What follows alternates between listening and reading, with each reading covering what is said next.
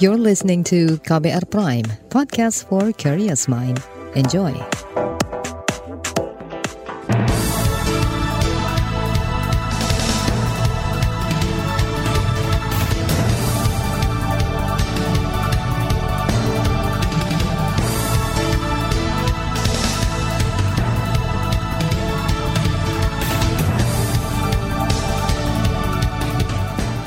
Selamat pagi saudara, senang sekali kami bisa menjumpai Anda melalui program Buletin Pagi edisi Selasa 22 November 2022. Bersama saya Naomi Liandra.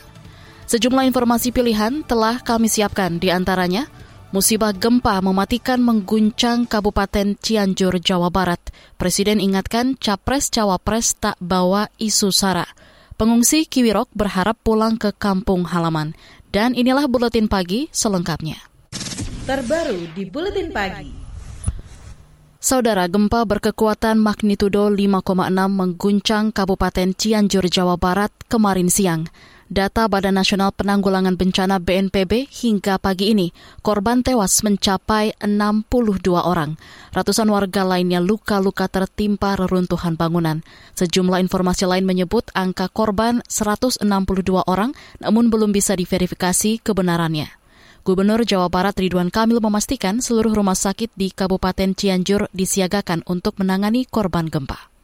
Dalam situasi kedaruratan makanya semua rumah sakit dikondisikan karena dalam satu waktu eh, RSUD mendapati kelimpahan pasien sebanyak ini tentulah pasti ada kekurangannya. Itu tadi Gubernur Jawa Barat Ridwan Kamil. KBR turut menyampaikan duka cita sedalam-dalamnya terhadap korban dan keluarga korban musibah gempa di Cianjur, Jawa Barat. Ikatan Dokter Indonesia IDI mengerahkan sekitar 200 dokter umum dan dokter spesialis ke lokasi terdampak gempa di Kabupaten Cianjur. Dalam keterangan pers semalam, IDI bersama Badan Nasional Penanggulangan Bencana BNPB dan Dinas Kesehatan setempat juga mendirikan rumah sakit darurat di Pendopo, Kabupaten Cianjur. IDI juga mengerahkan perlengkapan tenda dan sejumlah obat-obatan. IDI juga mengirim tim dari Pusat Krisis Kesehatan dan Pengabdian Masyarakat ke lokasi pengungsian gempa di Cianjur. Ribuan orang mengungsi akibat bencana gempa Cianjur. Juru bicara Badan Nasional Penanggulangan Bencana BNPB, Abdul Muhari, mengatakan jumlah pengungsi mencapai 13 ribu orang. BNPB telah menyiapkan tenda darurat untuk para pengungsi. BNPB sendiri saat ini sedang mendorong tenda pengungsi. Satu tenda itu bisa diisi 30 sampai 40 orang yang sudah berjalan saat ini dari yang disampaikan kepala BNPB itu ada 47 tenda yang akan didorong malam ini untuk mendukung kebutuhan darurat para warga terdampak di Kabupaten Cianjur. Juru bicara BNPB Abdul Muhari menambahkan mereka juga menyiapkan helikopter untuk distribusi bantuan dan evakuasi di daerah terisolasi. Bantuan logistik yang sudah disiapkan yakni sembako dan barang pemenuh kebutuhan utama senilai 500 juta rupiah. Saudara, gempa Cianjur menyebabkan aliran listrik di sejumlah wilayah terputus. Hingga malam tadi arus listrik di sejumlah titik di Cianjur masih padam. Dilansir dari Antara, PLN menyebut hingga pukul 6 sore baru sekitar 30 persen listrik di Cianjur yang sudah pulih. Manajer PLN Cianjur, Muhammad Hermansyah, mengatakan telah mengerahkan ratusan petugas untuk memulihkan pasokan listrik ke sejumlah titik. Badan Meteorologi, Klimatologi, dan Geofisika BMKG menyebut gempa Cianjur memiliki kaitan dengan pergerakan sesar Cimandiri. BMKG mencatat terjadi 25 gempa susulan pada Senin kemarin. Kepala BMKG Dwi Korita Karnawati memperkirakan gempa susulan masih bisa terjadi. Dia mengimbau masyarakat waspada. Hingga mohon hindari zona-zona yang berada di dekat lereng yang rapuh yang jadi cirinya lerengnya itu cukup curam, batuannya lepas-lepas, lunak ya itu mudah diguyur kembali oleh hujan dan juga di bantaran-bantaran sungai mohon dihindari terutama malam hari itu kan tidak terlihat. Jadi untuk amannya menjauh dululah dari tempat-tempat tersebut. Terus memonitor informasi dari BMKG Selain di Cianjur, kerusakan akibat gempa juga terjadi di Kabupaten Bogor, Kabupaten Sukabumi, dan di Kota Sukabumi. Saudara Presiden Jokowi meminta peserta pemilu presiden tidak membawa isu SARA. Informasinya akan hadir sesaat lagi. Tetaplah di Buletin Pagi KBR. You're listening to KBR Pride, podcast for curious mind. Enjoy!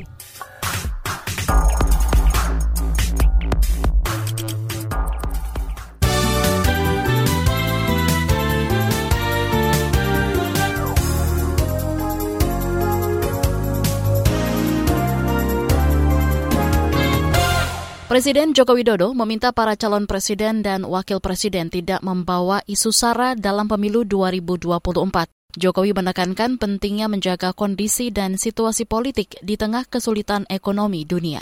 Debat silahkan, debat gagasan, debat ide membawa negara ini lebih baik, silahkan. Tapi jangan sampai panas. Apalagi membawa politik-politik SARA. Tidak, jangan politisasi agama. Tidak, jangan. Politisasi agama, jangan, jangan. Kita sudah merasakan. Dan itu terbawa lama. Hindari ini. Presiden Jokowi mengingatkan agar para calon peserta pemilu presiden menyadari bahaya politik sara, politisasi agama, serta politik identitas. Jokowi mengajak para tokoh yang akan maju di pemilu presiden 2024 membawa suasana politik yang adem. Masih soal politik, DPR meminta pengawas partisipatif dalam pemilu 2024 dapat bertugas secara adil. Pengawas partisipatif merupakan program dari Badan Pengawas Pemilu Bawaslu yang melibatkan peran masyarakat. Wakil Ketua Komisi Kepemiluan DPR Syamsur Rizal meminta Bawaslu objektif dalam membentuk pengawas partisipatif. Jadi mereka yang menentukan dan pendidikan apa yang akan dibekalkan kepada mereka. Dan itu resmi. Nanti kita putuskan dan itu ada kalau sudah menjadi keputusan Dewan, kita bersama-sama dengan pihak Bawaslu, KPU, Bawaslu eh, dan Kementerian Dalam Negeri yang sedang merumuskan sekarang ini, itu tentunya sebagai sebuah keputusan resmi KPU. Dan itu diketahui oleh masyarakat. Itu tadi Wakil Ketua Komisi Kepemiluan DPR Syamsur Rizal. Pengawasan partisipatif merupakan wadah kolaborasi antara Bawaslu dengan masyarakat dalam meningkatkan fungsi pencegahan dan pengawasan. Sejumlah program mengenai pengawasan partisipatif, di antaranya Sekolah Kader Pengawasan Partisipatif, Forum Warga Pengawasan Partisipatif, hingga Pojok Pengawasan. Kita ke informasi kesehatan. Wakil Presiden Maruf Amin memerintahkan para menteri dan pejabat terkait segera menangani kasus polio di Aceh agar tidak meluas. Instruksi itu disampaikan Ma'ruf Amin usai penetapan status kejadian luar biasa KLB polio di Indonesia. KLB ditetapkan setelah ada temuan satu kasus polio di Kabupaten Pidi, Aceh supaya segera diatasi. Jangan sampai ini menjadi pandemi seperti yang dulu ya. Karena itu jangan sampai kemudian menjadi melebar lagi penanggulangannya lebih supaya eh, lebih teliti lagi dideteksi dan segera diatasi supaya tidak melebar. KLB polio ditetapkan setelah 8 tahun Indonesia dinyatakan bebas polio oleh Organisasi Kesehatan Dunia WHO. Beralih ke informasi hukum, Persidangan kasus pembunuhan berencana terhadap Brigadir Yosua kembali digelar Pengadilan Negeri Jakarta Selatan kemarin. Salah satu saksi, yakni pekerja lepas di Biro Paminal Polri, Raditya Adiasa, mengaku diperintah oleh Hendra Kurniawan mencadangkan rekaman CCTV di rumah dinas Verdi Sambo. Rekaman tanggal 8 dan tanggal 9. Setelah saya ke ruangan CCTV, karena itu semua ada passwordnya, saya telepon kembali ke Pak HK. Saya minta kode akses CCTV-nya karena untuk masuk ke sistem untuk pengecekan data backup di tanggal yang diminta, yaitu tanggal 8, tanggal 9. Dalam sidang tersebut, Barada Richard Eliezer, Bribka Riki Rizal, dan Kuat Ma'ruf hadir sebagai terdakwa. Hari ini sidang kembali digelar dengan agenda pemeriksaan saksi untuk terdakwa Ferdi Sambo dan Putri Chandrawati. Kita ke informasi lain. Menteri Pertanian Syahrul Yasin Limpo menjamin tidak ada impor beras di tengah surplus produksi dalam negeri. Dia mengaku heran jika ada yang menyarankan Indonesia kembali mengimpor beras untuk memenuhi kebutuhan masyarakat. Dia mengklaim Indonesia sudah tidak impor beras sejak tiga tahun yang lalu. Aneh aja kalau kita mau impor beras di saat-saat seperti ini Bapak. Ini data bukan data saya, data BPS. Total panen kita 10 juta hektar, uh, ini naik Pak menjadi 10 juta 61.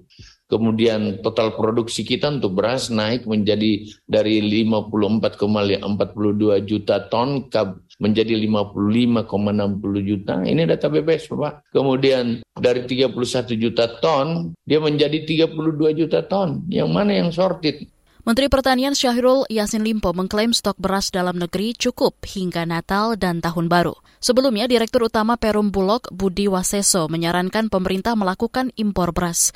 Budi beralasan stok dalam negeri menipis, namun Bulog kemudian meralat pernyataan itu. Buas menyebut tidak ada masalah dengan stok beras. Kita ke informasi ekonomi. Realisasi belanja APBD provinsi, kabupaten, dan kota hingga akhir November masih sangat rendah, baru mencapai 60 persenan. Itu disampaikan Menteri Dalam Negeri Tito Karnavian saat rapat koordinasi pengendalian inflasi daerah kemarin. Baru 61 persen, di bawah nasional nasional sudah di atas 70 persen. Baru 61 persen, sekali lagi 18 November 2022. Di bawah tahun yang lalu 64 persen. Baik di tingkat provinsi juga terjadi penurunan belanjanya, kabupaten juga terjadi penurunan, kota juga nurun dari 60 59. Menteri Dalam Negeri Tito Karnavian mengatakan, lima provinsi dengan realisasi belanja APBD terendah adalah Sulawesi Tengah, Kalimantan Timur, Maluku, Sumatera Selatan, dan Jambi. Tito mendorong kepala daerah memaksimalkan realisasi anggaran APBD, sebab sisa lebih pembiayaan anggaran atau silpa akan membengkak jika realisasi belanja lebih rendah ketimbang pendapatan. Beralih ke berita mancanegara, sebuah roket surya jatuh di kota Karkamis di perbatasan Turki Senin kemarin waktu setempat. Tiga orang tewas akibat insiden tersebut. Dilansir Reuters, roket ditembakkan oleh pasukan bersenjata pemberontak Kurdi dari Suriah Utara. Pejabat di Turki menyebut roket itu menghantam sebuah sekolah, rumah, dan sebuah truk di distrik Karkamis. Bergeser ke Malaysia, Raja Malaysia yang di Pertuan Agung Al-Sultan Abdullah setuju memperpanjang tenggat penyerahan nama calon Perdana Menteri Malaysia. Persetujuan itu merupakan tindak lanjut dari permintaan pimpinan partai politik dan gabungan partai ke pihak istana. Dilansir antara, para ketua partai politik dan gabungan partai dapat mengajukan koalisi pembentukan pemerintahan baru dan calon Perdana Menteri paling lambat Selasa siang ini. Beralih ke berita olahraga. Timnas Inggris membantai Iran 6-2 dalam laga penyisihan grup B Piala Dunia malam tadi. Bukayo Saka tampil apik dengan memborong dua gol untuk The Three Lions. Pada pertandingan lain, timnas Belanda juga memetik kemenangan perdana saat menghadapi Senegal. Tim Oranye menang 2-0 meski dengan susah payah karena dua gol dicetak di 10 menit menjelang pertandingan berakhir. Sementara itu, Amerika Serikat harus puas bermain imbang 1-1 melawan Wales. Pertandingan tak kalah menarik akan tersaji di Piala Dunia Qatar 2022 malam nanti. Timnas Argentina akan berhadapan dengan Arab Saudi, sedangkan Denmark akan menjamu Tunisia. Di bagian berikutnya kami hadirkan laporan khas KBR tentang pasar di Bali menuju zona bebas plastik bagian 2. Tetaplah di Buletin Pagi KBR. You're listening to KBR Pride, podcast for curious mind. Enjoy!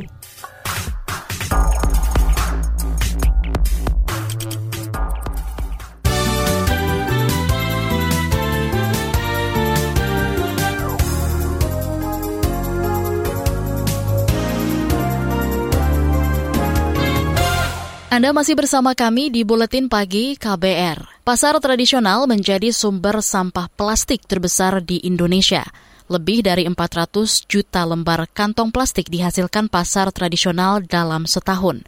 Berbagai upaya reduksi sampah plastik di pusat maupun daerah digencarkan sejak lama. Namun perkembangannya relatif lamban. Terkendalanya salah satunya karena pandemi. Di Bali, jurnalis KBR Nini Yuniati melihat dari dekat dampak gerakan diet kantong plastik di sejumlah pasar di Pulau Dewata. Simak kisah bagian kedua yang dibacakan Astri Yuwanasari.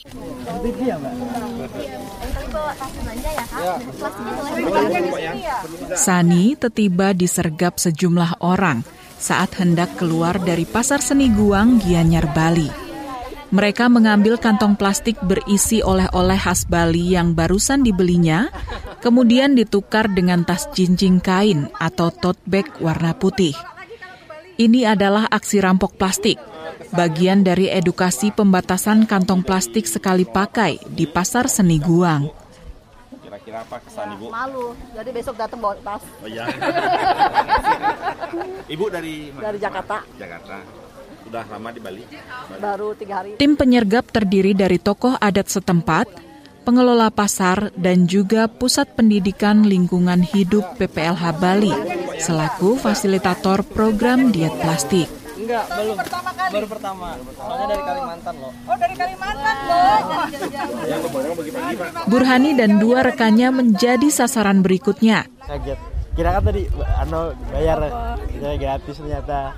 Nggak bawa plastik, cuma bawa badan aja. Mereka bertiga adalah mahasiswa Universitas Lambung Mangkurat, Banjarmasin, Kalimantan Selatan, yang tengah studi banding ke Bali.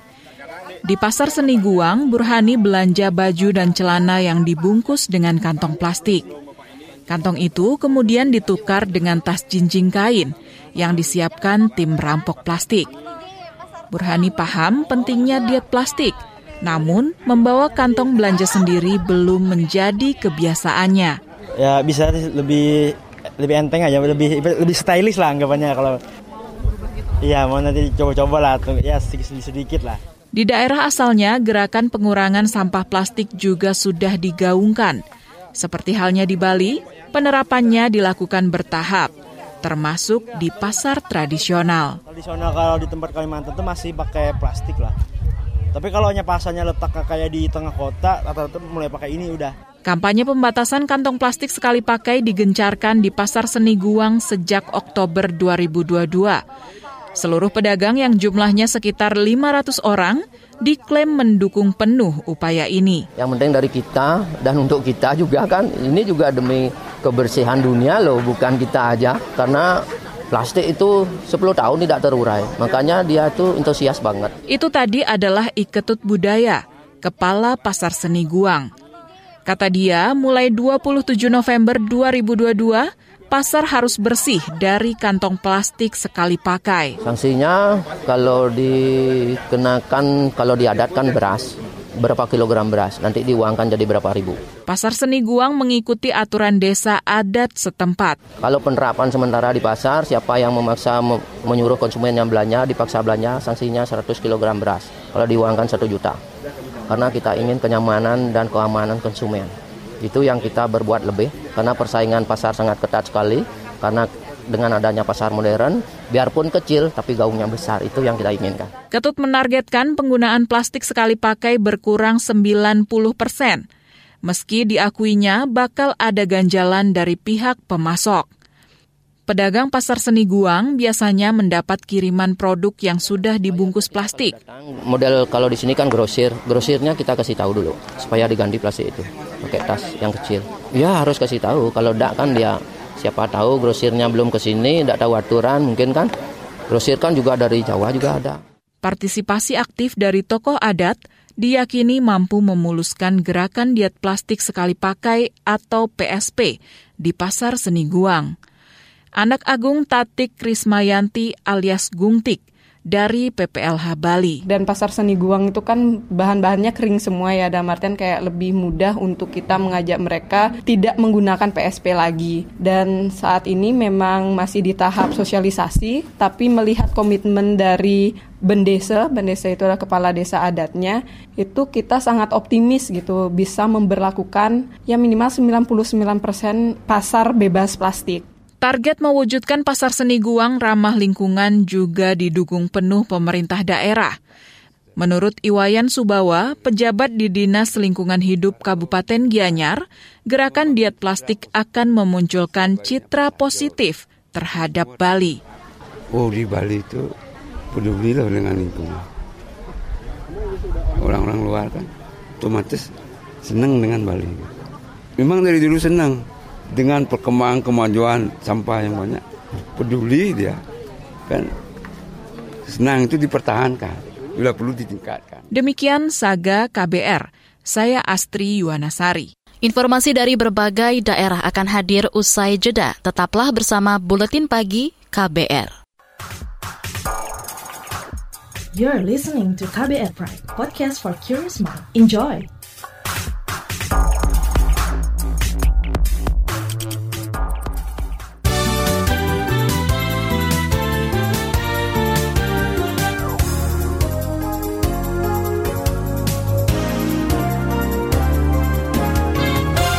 Inilah bagian akhir buletin KBR. Bergeser ke kasus kerangkeng manusia di Langkat, Sumatera Utara.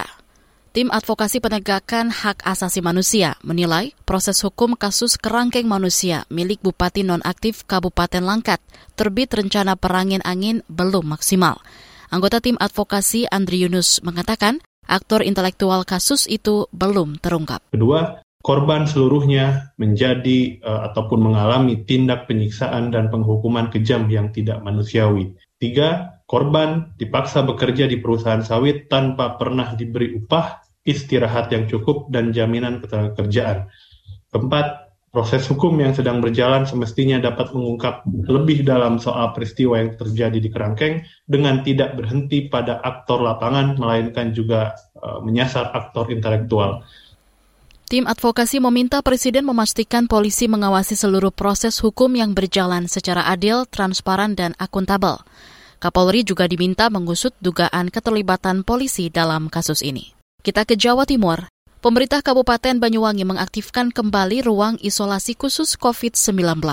Ini dilakukan seiring meningkatnya kasus COVID-19 di daerah tersebut. Kepala Dinas Kesehatan Banyuwangi, Amir Hidayat, mengatakan jumlah pasien COVID-19 mencapai 70 orang, naik dari sebelumnya hanya berkisar antara 20-an orang. ICU kita minta untuk lagi, rumah sakit yang lima rumah sakit kita minta untuk menyiapkan 30 persen eh, dari tempat tidur untuk uh, kita uh, siagakan. Ya, tracing, testing di puskesmas ini kita tingkatkan. Jadi kita minta untuk seluruh yang positif untuk langsung di testing uh, kontak eratnya. Kepala Dinas Kesehatan Banyuwangi Amir Hidayat menambahkan, pemerintah kabupaten juga mulai memperketat protokol kesehatan di ruang-ruang publik. Selain itu, vaksinasi booster juga terus didorong, sebab capaian vaksinasi booster di Banyuwangi belum menyentuh 40 persen. Kita ke Kalimantan Timur. Badan Pengawas Pemilu tidak bisa menertibkan alat-alat peraga pemilu 2024 yang sudah mulai marak terpasang di kota Balikpapan. Ketua Bawaslu Kota Balikpapan, Ahmadi Aziz, beralasan alat-alat peraga itu baru bisa ditertibkan setelah ada penetapan peserta pemilu oleh Komisi Pemilihan Umum KPU. Kemarin sih sempat koordinasi dengan Kasbangpol agar mengundang seluruh stakeholder untuk rapat bersama untuk mendiskusikan terkait dengan maraknya uh, alat peraga alat peraga sosialisasi saat ini. Dan cuma memang kami Bawaslu belum bisa menjangkau ke sana karena mereka belum peserta. Karena salah satu tugas kita adalah mengawasi peserta. Ketua Bawaslu Kota Balikpapan, Ahmadi Aziz, mengatakan alat-alat peraga tersebut bisa ditertibkan jika melanggar peraturan daerah perda atau peraturan wali kota. Informasi tadi menutup jumpa kita di Buletin Pagi hari ini. Pantau juga informasi terbaru melalui kabar baru, situs kbr.id, Twitter kami di akun @beritaKBR, serta podcast di alamat kbrprime.id. Akhirnya saya, Naomi Liandra bersama tim yang bertugas undur diri. Salam.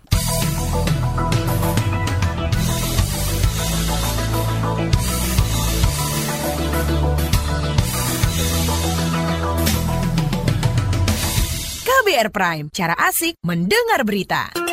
KBR Prime, podcast for curious mind.